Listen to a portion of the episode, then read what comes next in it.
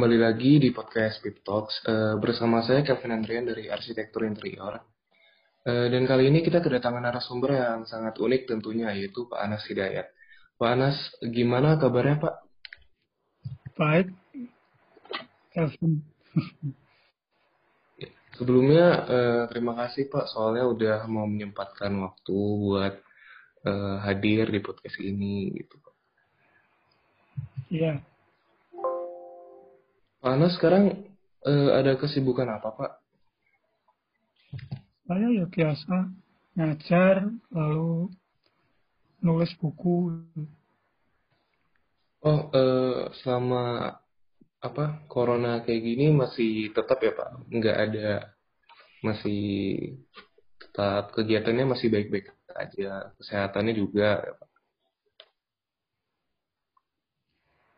Iya, Ya semua tapi dari rumah mengerjakannya.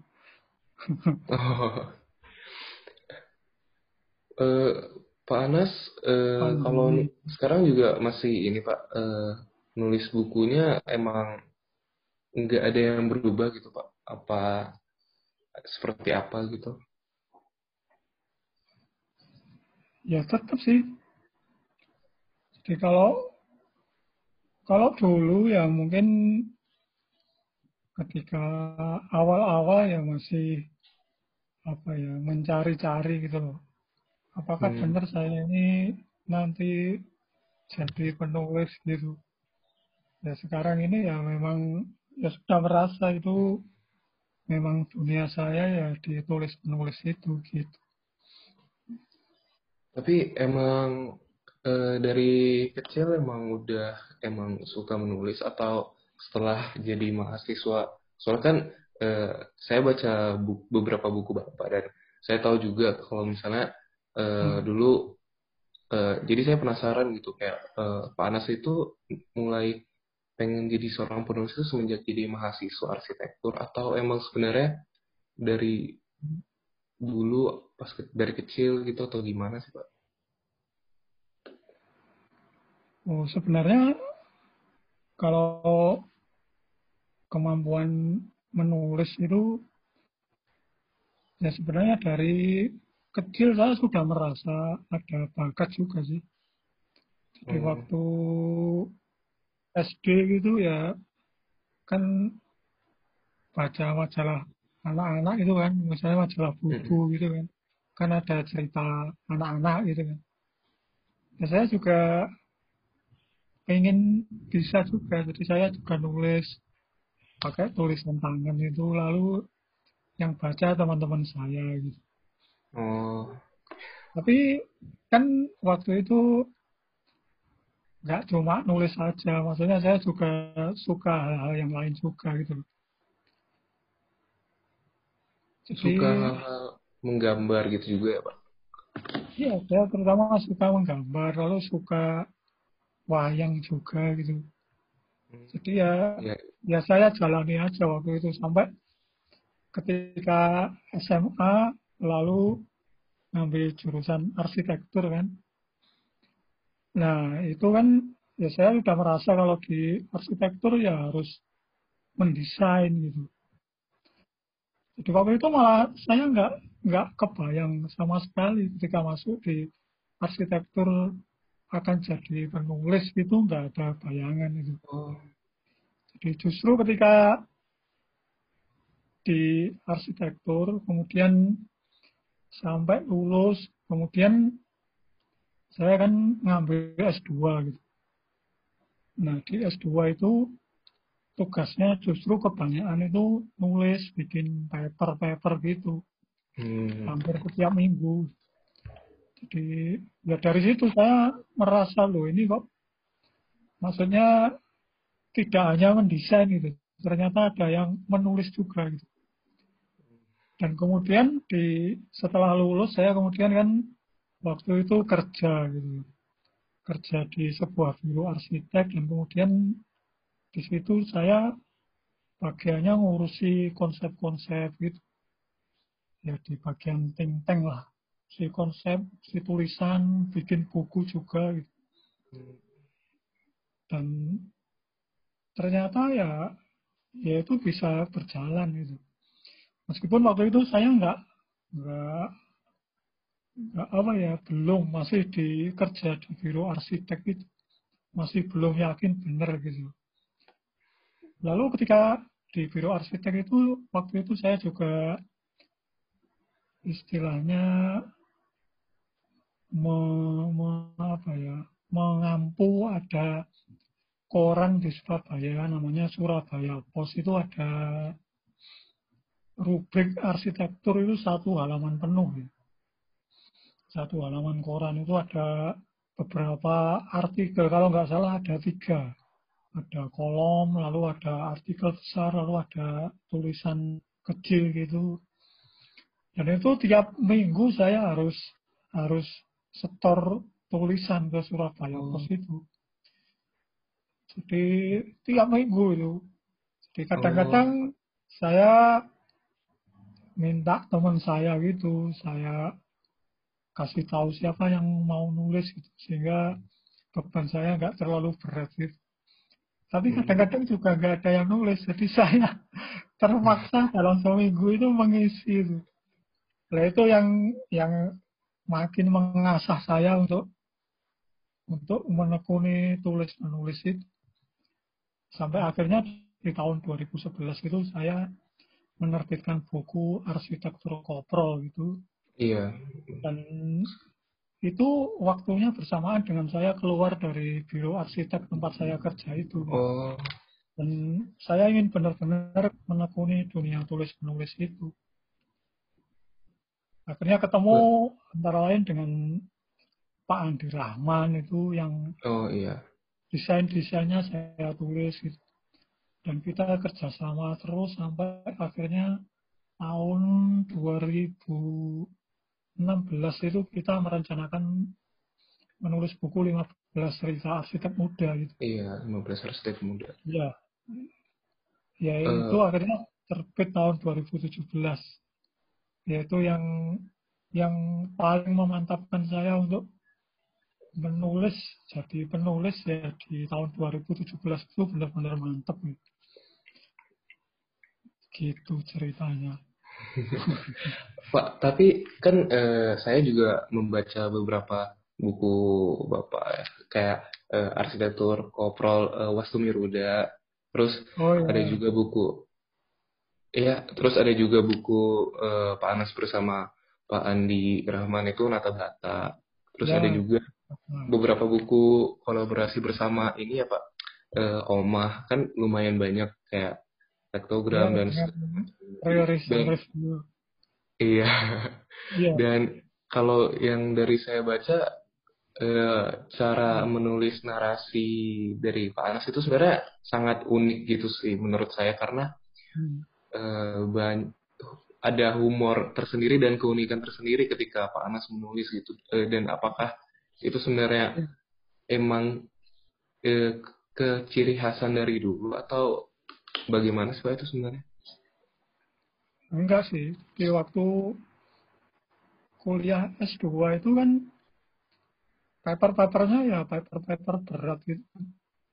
Maksudnya mm -hmm. berat itu ya harus ada pustakanya harus jelas, kemudian harus apa ya, harus ada maksudnya kalau mengutip itu harus jelas dari siapa gitu.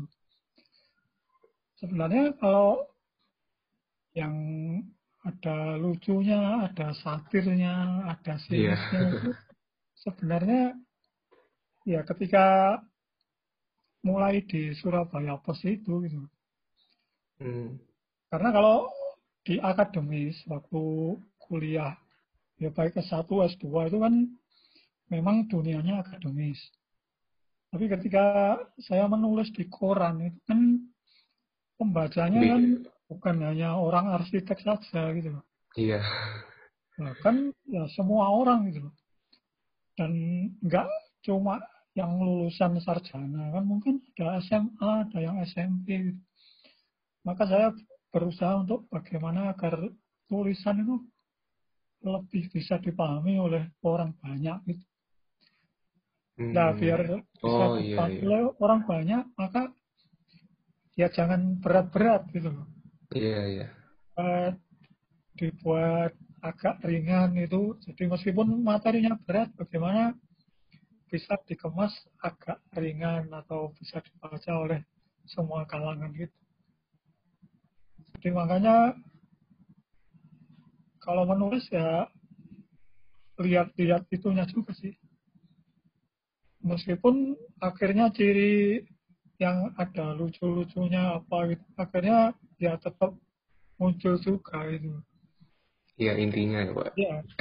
Iya. Hal yang mau dikritisi. Ya. Iya. Ya seperti itulah. Uh, tapi sebenarnya Pak Anas sendiri punya apa uh, kesusahan gak sih? Kan kalau udah kalau misalnya uh, mahasiswa arsitektur pada umumnya ada hmm. masa-masanya bingung mau mendesain seperti apa dan segala macamnya. Apakah hal tersebut sama saat menulis apa berbeda Pak sebenarnya? Ya sebenarnya sama sih. Sama. Saya kalau ngajar, saya kan ngajar di arsitektur juga gitu. Sebenarnya menulis dan mendesain itu sebenarnya sama. Hmm. Sama dalam artian bagaimana sih caranya agar bisa menulis atau mendesain itu. Kalau mendesain kan latihan mendesain terus gitu. Iya. Kalau menulis itu ya cara satu-satunya ya belajar terus menulis loh nggak ada cara lain itu. Hmm. Jadi kalau misalnya kita baca buku tentang cara menulis yang baik gitu, ketika selesai baca buku tapi nggak menulis ya nggak akan bisa. Gitu. Jadi latihan juga menulis. Jadi kalau di arsitek kan dari semester satu kan sudah diajari mendesain kan. Iya, dari yang sederhana sampai rumit sampai tugas akhir itu akhirnya bisa membuat bangunan yang lumayan rumit, menulis juga seperti itu. Kalau misalnya di kurikulum kan itu menulis ya belajar menulis dari yang sederhana sampai yang hmm. akhirnya bertambah bertambah. Apa kompleksitasnya bisa bertambah, lalu kedalamannya akhirnya nanti bisa mengatur sendiri ya.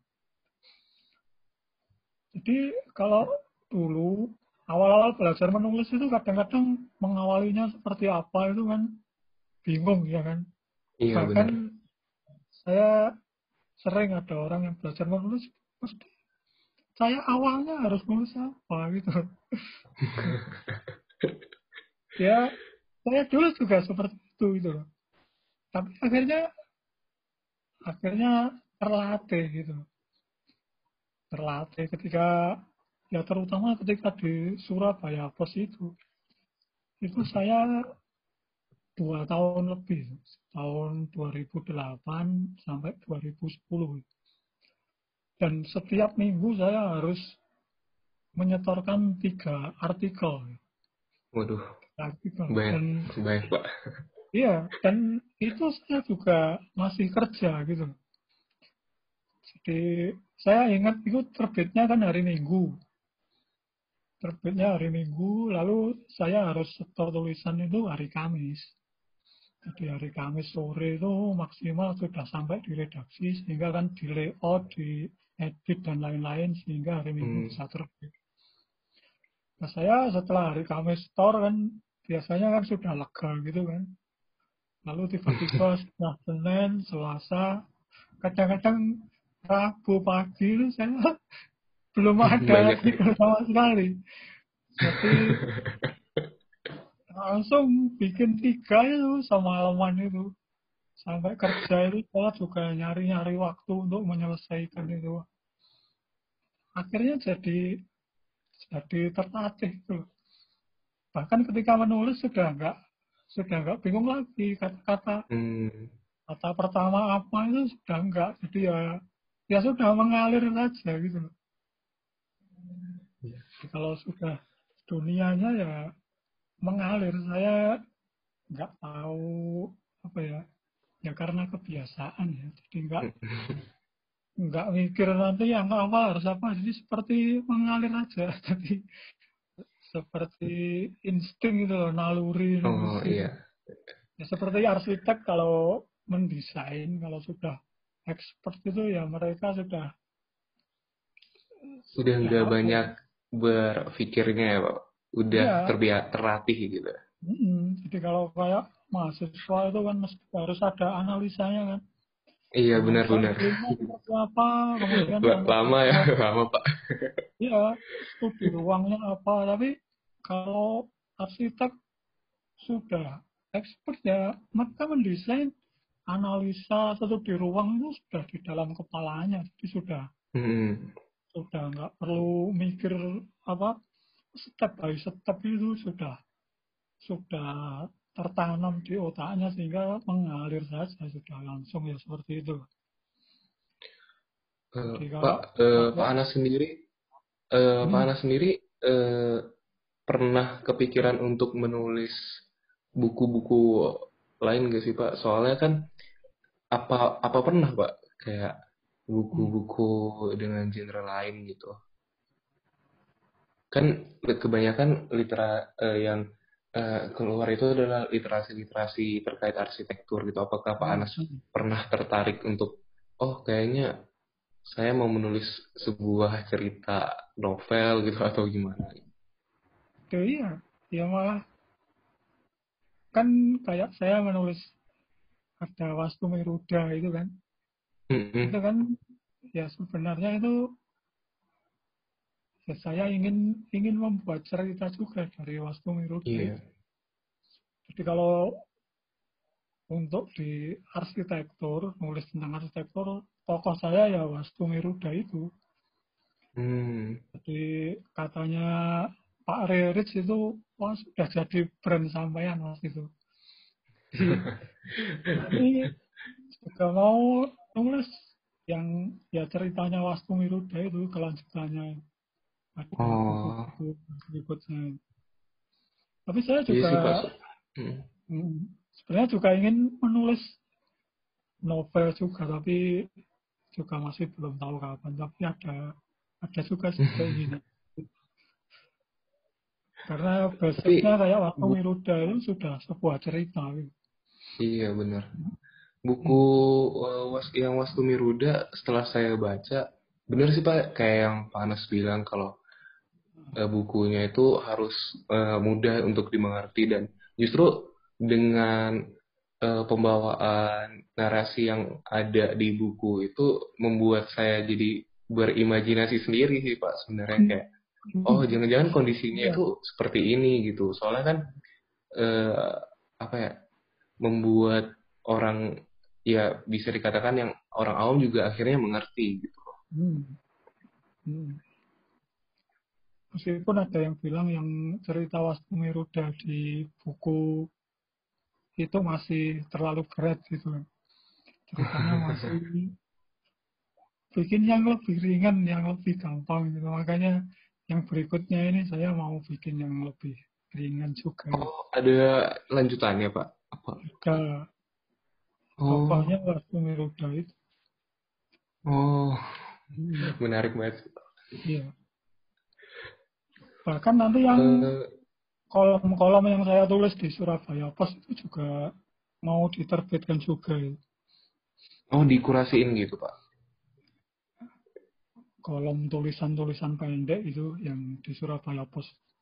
Sudah lama sih tapi rencana mau diterbitkan. Oh dikumpulkan kembali terus diterbitkan gitu ya Pak? Iya sudah siap sih. Hmm. oh. kalau Kalau sebenarnya eh, pandangan Pak Anas terhadap arsitektur yang ada di Indonesia itu gimana sih Pak? Saya jadi penasaran gitu. Soalnya kan saya sendiri masih mahasiswa ya, dan saya nggak tahu Eh, eh, persis dunia eh, praktisi seperti apa dan sebenarnya kondisinya seperti apa gitu. hmm. iya sebenarnya kalau mau ngomong pandangan arsitektur Indonesia itu sebenarnya sesuatu yang kompleks juga sih Iya, Pertama kompleksnya dengan ngomongin Indonesia gitu. Kalau kita ngomongin Indonesia mau seperti apa itu kan Indonesia ini ada banyak iya Pak. bahwa kan ada banyak partai politik kan. Iya benar. basisnya agama, ada yang basisnya nasional, ada yang basisnya kesejahteraan dan masing-masing punya cita-cita sendiri gitu. Hmm. Dan kalau di arsitektur sebenarnya ya sama, sama seperti itu. Jadi kalau arsitektur Indonesia itu seperti apa itu ada banyak banyak kalangan yang yang mereka punya pandangan berbeda gitu. Ada yang arsitektur Indonesia harus ada dibawa ke sana, dibawa ke sini, ke situ, Hmm. ke mana gitu. Tapi kalau pandangan saya sendiri itu sebenarnya sederhana sih. Jadi kalau diibaratkan seorang anak itu ya, arsitektur Indonesia itu ibunya itu sebenarnya arsitektur lokal atau arsitektur Nusantara itu ibunya. Nah bapaknya itu arsitektur barat. Oh, Jadi, Bapaknya arsitektur barat, ibunya arsitektur Nusantara gitu. Kan kita juga punya arsitektur ibu kan.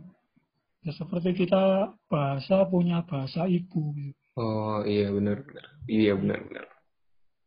Nah, saya di Jawa ini ya, ya saya bahasa ibu saya bahasa Jawa gitu.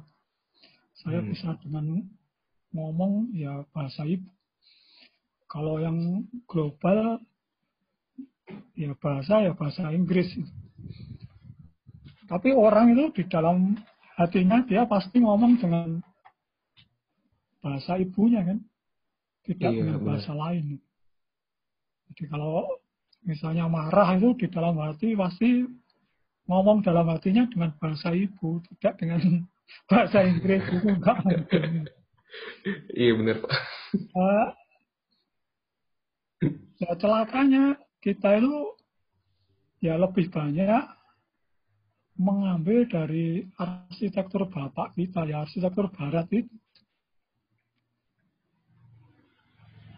dan agak durhaka saya ngomong agak durhaka dengan arsitektur ibu Hmm. jadi arsitektur yang kita punyai sendiri yang jadi akar kita itu justru malah kita lupakan itu. Hmm. Jadi, karena memang kita dasar pendidikan atau perguruan tinggi arsitektur kan memang dari barat kan waktu itu Oh iya. awal tahun 20-an kan di zaman kolonial pendidikan arsitektur ya memang cangkokan dari barat itu. Tapi kemudian ada dua dua pandangan kan. Ada yang mengaku bahwa arsitektur Indonesia itu harus dibawa ke global, tapi ada juga yang harus dibawa ke akarnya, akar Nusantaranya yang Hmm. lokal itu. Dan dua ini ya dari dulu ya tetap aja gitu. Ada dua pendapat itu. Tetapi sebenarnya yang paling cocok ungkapannya itu kita berada di dalam pusaran gitu. Hmm. Di dalam pusaran antara yang global dengan yang lokal itu. Kan kalau kita di dalam pusaran kita nggak bisa diam. Kan? Di dalam pusaran kita selalu berputar. Iya. Di, di satu titik kita di lokal tapi sebentar lagi kita ke global. Lalu kita kembalikan lagi. Sebenarnya menurut saya ya harus di ditangani di dalam konteks pusaran itu. Bahwa kita itu berada di dalam arus arsitektur global, tetapi jangan lupa bahwa kita juga punya akar juga gitu.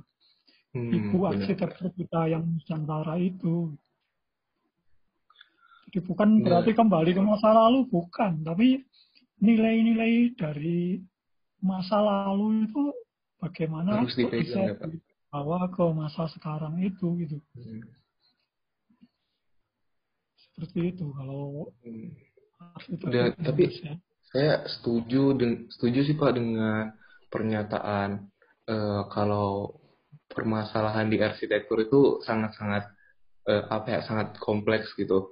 Karena eh, dari yang dari semester bahkan dari semester pertama eh, kan saya eh, juga diajar sama eh, oleh eh, Pananda dan kebetulan eh, beliau itu kan teman uh, Pak Anas juga. Soalnya saya pernah membaca dari uh, beberapa buku pengantar gitu dan dan yang dan menurut saya uh, banyak sekali apa ya banyak hal yang sebenarnya sangat rumit gitu di luar hmm. apalagi kalau udah berhubungan dengan dunia praktisi dan segala macamnya sehingga yeah. emang perlu emang benar uh, kalau eh, hal-hal paling mendasar tetap harus menjadi sebuah pegangan yeah. memang benar sih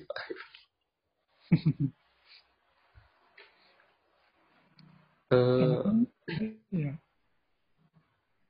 Kalau dari Pak Anas sendiri ngelihat mahasiswa arsitektur sekarang tuh gimana sih Pak? Kayak ap, uh, ada perbedaan gak sih dengan masa lalu gitu misalnya? Atau cenderung ada hal-hal yang seperti apa gitu dari menurut uh, Pak Anas sendiri? Oh, sangat berbeda. Gimana Pak? Milenial sekarang sangat berbeda kalau zaman saya dulu itu misalnya informasi itu kan mencari mencari dalam arti informasi kan tidak semudah sekarang gitu. Hmm. Mencari jadi kalau misalnya buku tentang arsitek ini misalnya di Corbusier gitu ada di mana misalnya di ruang baca jurusan atau di perpustakaan apa kampus gitu ya harus dicari gitu. Hmm. Cari dan dan kesulitannya itu dalam mencari. Mau mencari informasinya. Ya, karena mencari. Kalau generasi sekarang itu tinggal memilih sebenarnya. Informasi itu wah sudah bejibun nggak karu-karuan. Kita klik di Google misalnya arsitek siapa itu informasinya sudah Udah lengkap juga ya Pak sebenarnya? Iya, udah lengkap ya. Iya. Tinggal gimana memilihnya gitu loh. Ya itu sebenarnya generasi sekarang itu diberi kemudahan itu. Jadi informasi sudah sangat banyak dan ya tinggal memilih mana masih yang yang diperlukan itu yang mana gitu loh. Dari banyak itu kan nggak mungkin diambil semua gitu. Mm -hmm. Jadi justru generasi sekarang di mana memilih gitu. Lalu kok kadang saya juga ditanya juga sih. Kadang-kadang mahasiswa arsitek itu kan kadang juga ada yang nggak yakin juga kan.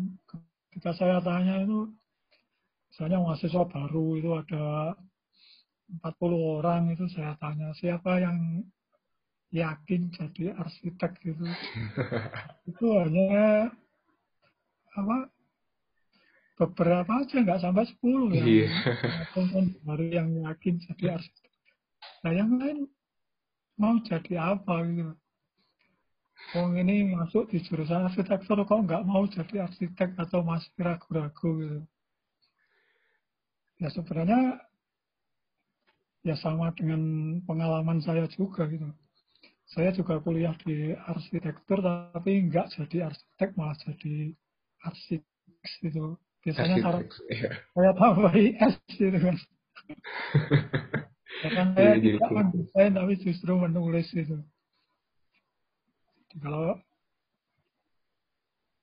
kalau masalah itu ya saya ke mahasiswa itu ya biasanya bilang jangan ngikuti tren itu atau ngikuti teman-temanmu atau ngikuti yang sekarang lagi dibutuhkan pekerjaan gitu. Tapi ikuti kata hatimu. Ikuti kata hatimu. Kamu mau ke mana itu ikuti kata hatimu. Karena saya pernah baca novel, pernah baca novel Sang Alchemist itu. Hmm. Paulo Coelho. Itu ada tokoh namanya Santiago itu. Jadi Santiago itu diberi nasihat oleh orang tua itu. Jadi ikut kata hatimu di di mana hatimu berada, ya di situlah harta karunmu di situ. Hmm. Di, hmm. Kalau misalnya ada mahasiswa arsitektur tapi misalnya kata hatinya enggak di arsitektur ya ya mending keluar aja ngikuti kata hati mau ke mana karena yang menonton itu ya kata hati itu saya sih gitu kalau tapi banyak loh pak yang yang ngerasa dari kayaknya mahasiswa yang uh, tiap tahunnya berpindah jurusan atau keluar dari uh, sebuah jurusan di perkuliahan kayaknya arsitektur jadi jurusan yang paling banyak pak dari mahasiswa oh, iya. yang iya. Iya saya juga ada beberapa gitu mahasiswa yang salah juga gitu dikira di arsitektur juga apa teori-teori ternyata disuruh gambar terus akhirnya nggak kuat ada yang keluar gitu. Iya, emang tugasnya surat, banyak sih Pak. Iya. Dan ketika ketika sudah jadi sarjana pun akhirnya juga diberi pilihan juga. Pilihannya yeah. juga masih banyak. Maksudnya mau jadi arsitek atau enggak itu kan banyak juga lulusan arsitek tapi kerja di bank atau kerja di mana. Hmm, iya iya banyak. Yang sebenarnya ilmu hasilnya nggak terpakai itu. Iya, ya sebenarnya kalau dipikir-pikir juga eh, sangat apa ya Pak, sangat sayang sih menurut saya karena ilmu yang dipelajari yeah. di jurusan arsitektur secara khusus itu sebenarnya kalau dari saya pribadi yang uh, masih menjadi mahasiswa, saya merasa sangat banyak hal yang dipelajari sih sebenarnya banyak hmm, hal yeah. yang sangat membedakan dengan jurusan-jurusan lainnya gitu. Jadi saya pribadi yeah. sangat bersyukur saya berada di jurusan yeah. ini dan menurut saya sih sangat-sangat apa ya berguna gitu. Iya. Iya, saya sendiri meskipun akhirnya menjadi penulis gitu kan. Di tapi ketika misalnya diminta ngomong ke mahasiswa arsitek itu saya ya selalu bilang bahwa ilmu arsitektur itu ya tetap berguna bagi kepenulisan saya. Gitu. Jadi bagaimana mendesain, kemudian merencanakan apa bangunan mulai dari awal, berpikir sistematis, kemudian step by stepnya seperti apa, ketekunan dan lain-lain itu sebenarnya ya tetap juga sih tetap apa ya ada ada hikmahnya di dalam membangun sebuah karir gitu loh. Meskipun memang nggak harus jadi arsitek gitu. Kan ada yang jadi bahkan ada yang jadi fashion designer yang masih ada urusannya dengan desain pasti masih ada banyak juga sih. Karena memang kita kan nggak mungkin lulusan arsitektur yang sekian ratus atau setahun itu sekian ribu orang jadi arsitek semua kan enggak pasti ada seleksi alamnya kan. Iya benar pak tapi paling enggak ilmu-ilmu yang dipelajari ketika di arsitektur itu masih berguna ketika ketika menjalani apa pun profesi itu masih tetap berguna Gitu. Uh, kalau misalnya uh, ada orang ataupun mahasiswa atau uh, orang zaman sekarang gitu yang kepengen untuk menjadi seorang penulis itu masih sangat memungkinkan apa atau enggak sih pak? Soalnya uh, saya pribadi melihat iya semakin berkembangnya zaman cenderung orang-orang minat akan literasi juga nggak tahu sih berkurang atau berpindah saya juga nggak berani asal menyebutkan tapi masih sangat memungkinkan nggak sih pak? Kalau bagi saya sih masih sangat memungkinkan juga. Karena kalau dulu literasi itu kan memang dalam bentuk buku, ya kan? Iya benar benar benar. Bentuk buku, maksudnya buku cetak gitu.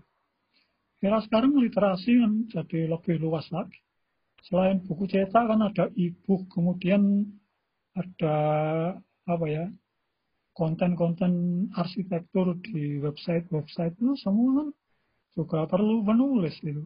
Iya. Mm. Ya, tetap perlu.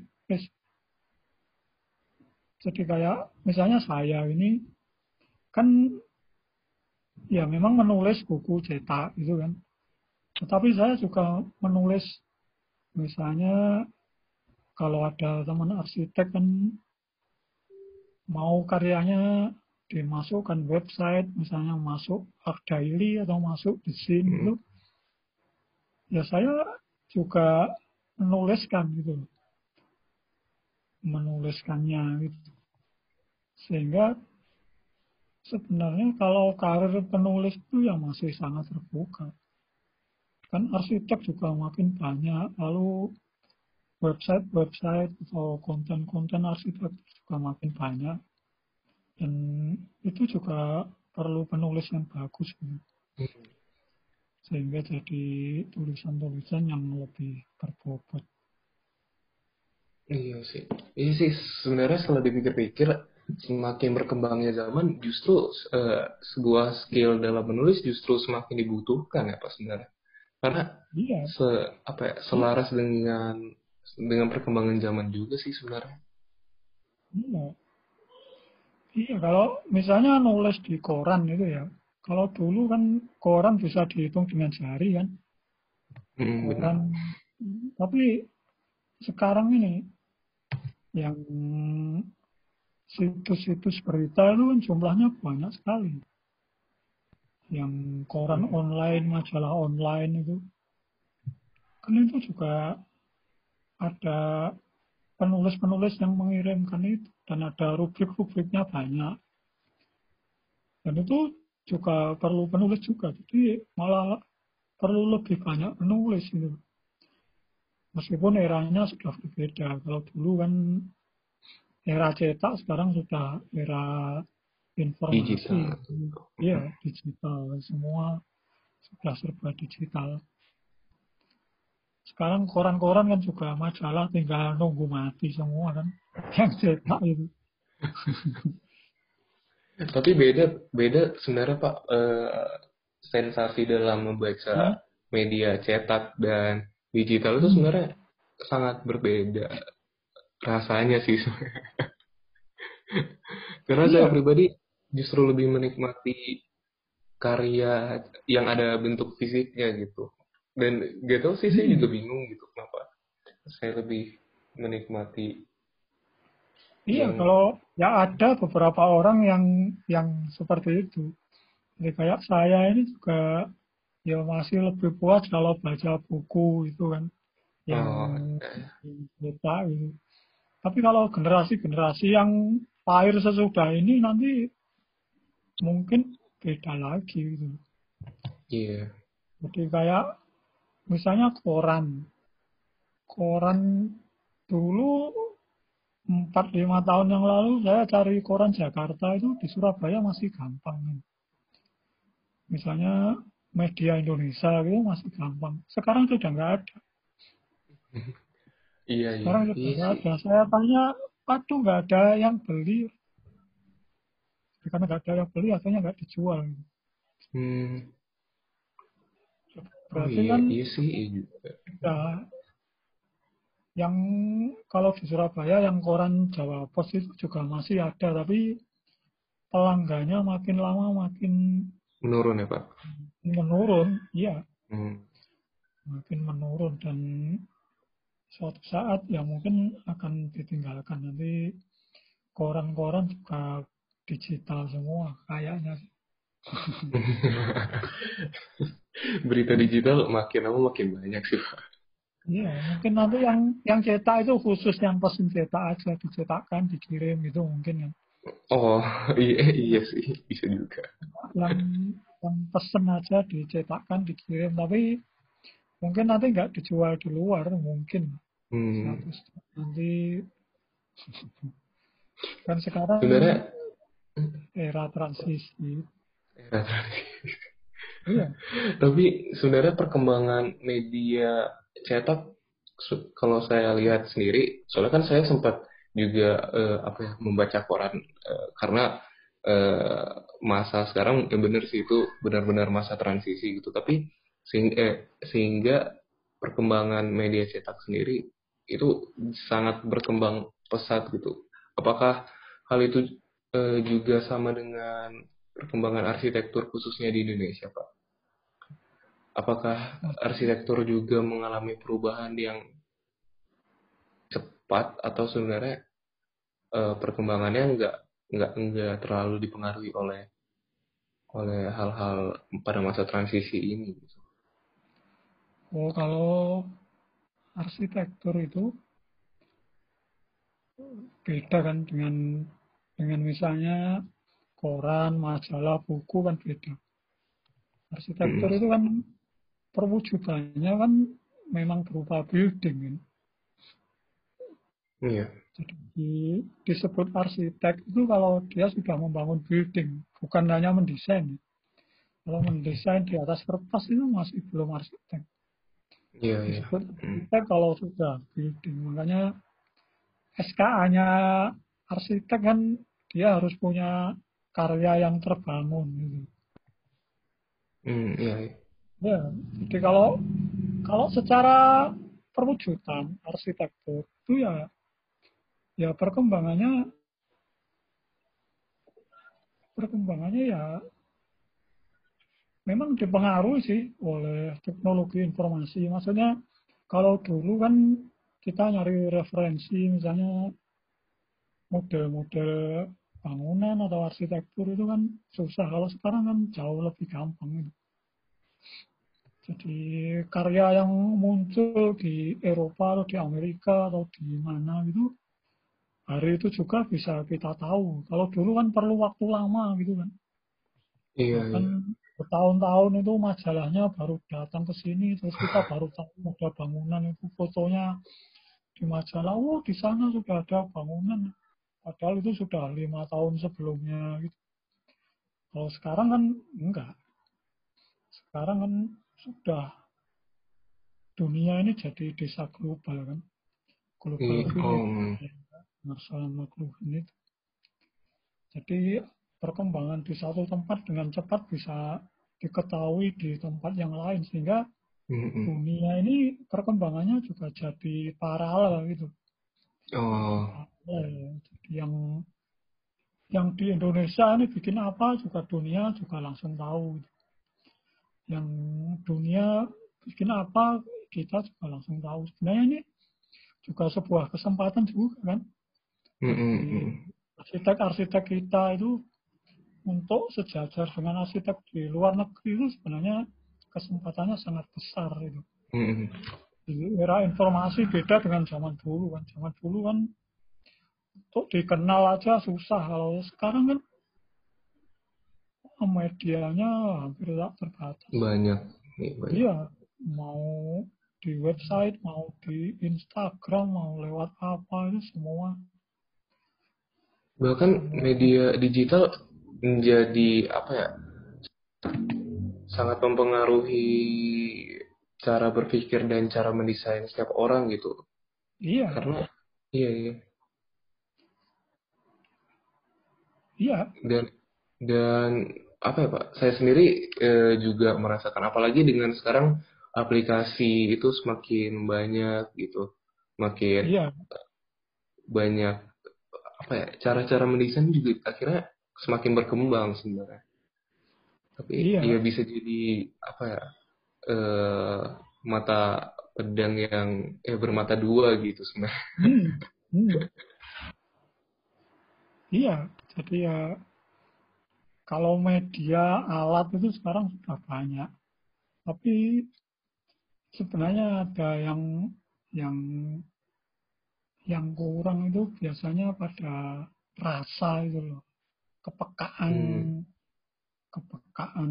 Kalau misalnya di kuliah ya kepekaan mahasiswa itu di dalam dia merancang itu seperti apa gitu.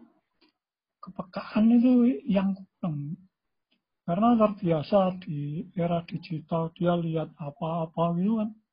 Ya jadi ketika misalnya dia diajak ke site itu kadang-kadang bingung mereka harus ngapain itu nggak tahu malah Ya karena sudah terlanjur di era yang banyak informasi itu sehingga jadi jadi kurang mengasah kepekaan itu.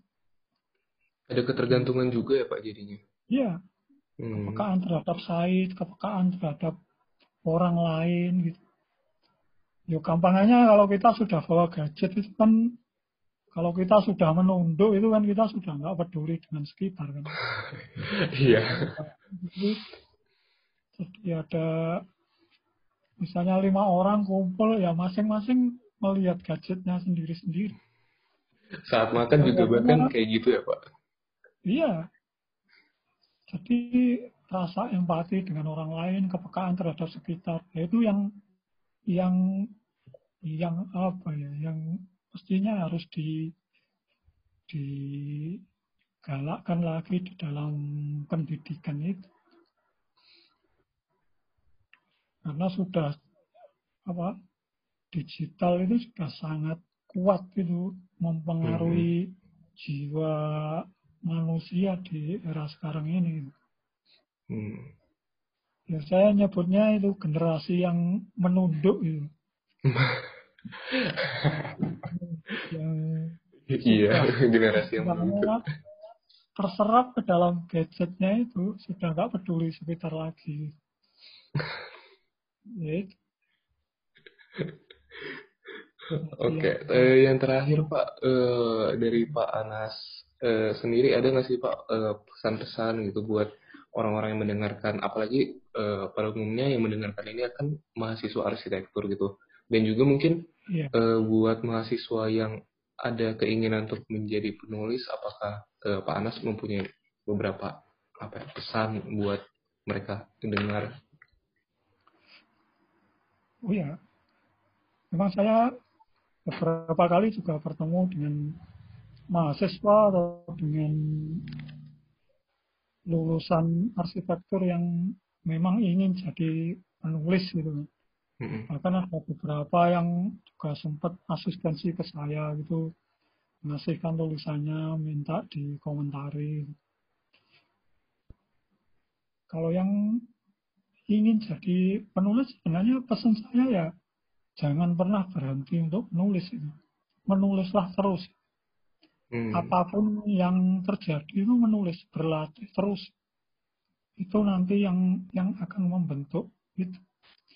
Yang akan membentuk dirinya menjadi penulis itu sebenarnya itu kemauan untuk terus menulis itu.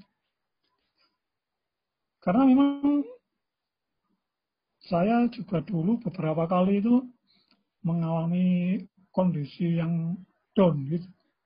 Hmm. Kondisi yang down ketika saya tidak yakin. Wah, saya ini apa bisa sih hidup jadi penulis gitu. Sampai kepikiran untuk menjalani profesi yang berbeda gitu juga pernah. gitu. Hmm. Tapi ketika kondisi gitu lalu kemudian perlahan-lahan mulai bangkit lagi untuk menulis lagi. Jadi ya apa down lagi lalu bangkit lagi, down lagi lalu bangkit lagi. Dan saya pada akhirnya bisa meyakini bahwa dunia menulis itu dunia saya gitu. Hmm. Ini memang prosesnya juga tidak gampang. ya. Tidak gampang. Dan itu saya kira juga berlaku juga di profesi arsitek juga sama. Jadi kan tidak otomatis ketika mahasiswa lulus arsitektur lalu jadi arsitek prosesnya masih lama kan. Hmm. Lama, Iya. lama. Iya. Mau bekerja di biro arsitek atau mau langsung apa freelance atau seperti apa gitu pasti mengalami itu up and down itu pasti mengalami saat-saat tidak yakin untuk meneruskan gimana gitu dan hanya mereka yang yakin untuk menjalani itu yang pada akhirnya akan menjadi apa ya akan mendapatkan profesi yang sebenarnya dia inginkan itu jadi kadang-kadang kita tidak tahu bahwa yang kita anggap jalannya susah itu sebenarnya ya ya sebenarnya tinggal dikit aja sebenarnya. Tinggal dikit aja sebenarnya sudah nyampe. Kita juga nggak tahu. Jadi semua orang ya berproses sendiri-sendiri. Hmm. ya maka ya seperti yang tadi saya bilang itu ikuti kata hati saja itu. Kata hati menuntun ke mana ya kita ikut. Karena itu yang paling jujur sebenarnya. Yang paling jujur. Kata hati itu yang paling jujur dari diri kita. Kita mau ke mana ya ikuti aja. Gitu. Uh, baik uh, kepada uh, Pak Anas terima kasih banyak Pak buat uh, apa ya banyak pesan yang bisa diambil oleh pendengar-pendengar uh, maupun orang yang uh, nanti uh, tahu tentang podcast ini dan uh, sekali lagi terima kasih banyak Pak para Pak Anas yang sudah mau menyempatkan waktunya untuk berbagi cerita di ya. podcast kali ini dan uh, buat teman-teman yang mendengarkan jangan lupa untuk mendengarkan episode-episode selanjutnya lagi. Terima kasih.